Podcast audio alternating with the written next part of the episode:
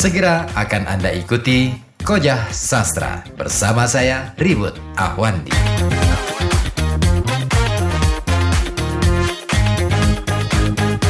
Saya kemarin baru saja membaca salah satu puisinya karya Mas Rendra. Nggak tahu bukunya saya bawa apa enggak ya.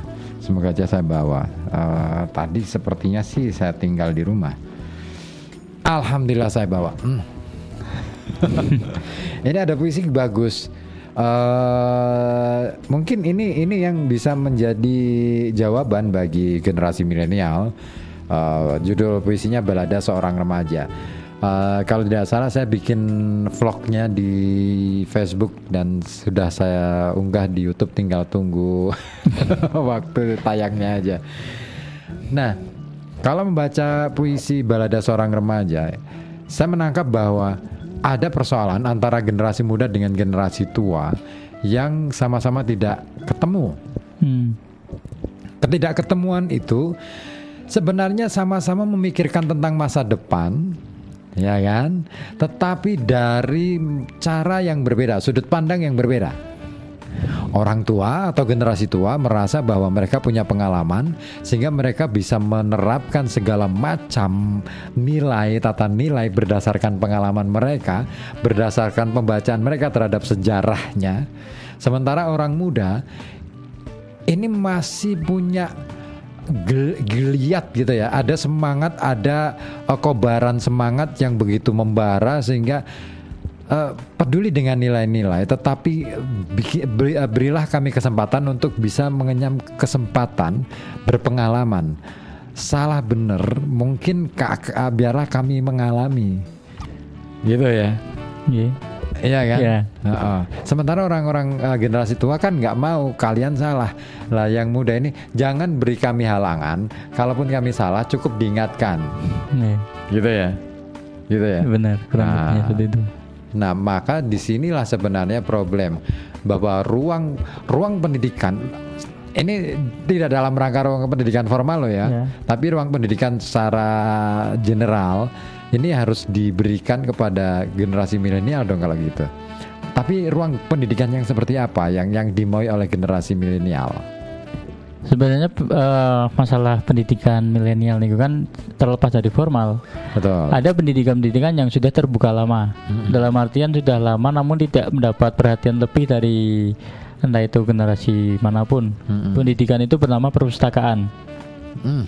Ya, that's I see. Terus Nah, perpustakaan misal perpustakaan kota ataupun taman baca yang ada di kampung-kampung itu udah mulai yang tadinya pasif kemudian masif penceb- apa, penyebaran informasi telah dibukanya ini di sini di sini di sini kemudian membuka kartu member untuk peminjaman pinjaman buku.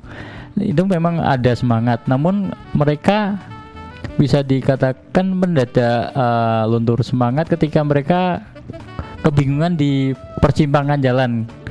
Ini membaca buku ini eh, secara apa ya tidak ada misalnya ada alternatif lain ketika perpustakaan itu menye- menyelenggarakan eh, bedah buku diskusi buku itulah pendampingan yang mereka rindukan Oke, saya tahu sekarang.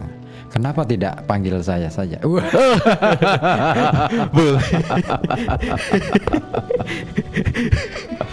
Aku siap. Aku tuh sebenarnya menanti-nanti omongan yang seperti ini dari generasi milenial. Apa sih yang dimaui oleh generasi milenial sebenarnya? Terutama di wilayah kesastraan atau dunia Ya. literasi.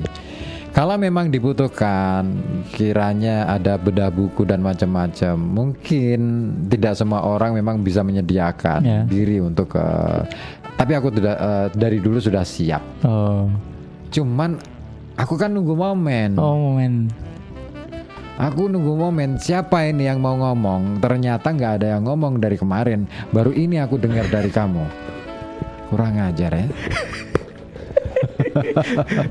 sebenarnya bun Eh, eh. aku gemes sebenarnya. Beberapa waktu itu aku gemes. Gemesnya gini. Ini maunya apa sih? Banyak gerakan literasi yang muncul bertumbuhan di ya. Kota Pekalongan, ya kan? Tapi aku sendiri bingung, ini mau apa gerakan literasi itu? Setelah mereka baca buku atau katakanlah bikin gelaran di lapak. lapak-lapak di jalanan Iya. atau di apa alun-alun, terus nggak mau ngapain? Dari kemarin itu aku sudah nunggu, tapi sampai saat ini nggak ada satupun yang ngajak ngomong saya. Hmm. Ya mungkin saya yang salah dalam arti saya harusnya bisa mendekati bola anak-anak gitu. gitu kan, teman-teman. Tapi persoalannya kan waktu saya tidak cukup banyak untuk seperti itu. Iya. Ya ya itu tadi. Oke, aku akhirnya tahu bahwa krisis identitasnya di situ. Ya, kurang lebihnya seperti Iya itu. kan? Mereka bingung mau mendekati orang tua, takut kalau disalah-salahin. Iya lihat orang tuanya dong. kalau orang tuanya model aku enggak lah. aku enak-enak ada enak-enak aja. Toh pada akhirnya kan saya dan dan uh, beberapa teman kan kita ya kan uh, bisa saling ngobrol untuk uh, bikin apa ini kegiatan bareng gitu kan. Mm-mm. Ya. Hmm. Ternyata Gitu. aku baru tahu. Oke deh, capek. Oke, kita simpan terlebih dahulu untuk hal-hal lain.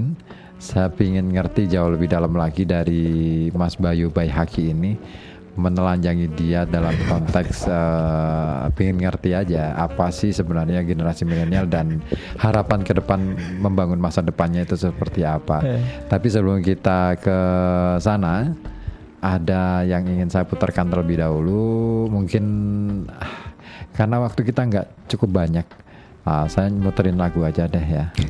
Oh, oh. Koja Sastra.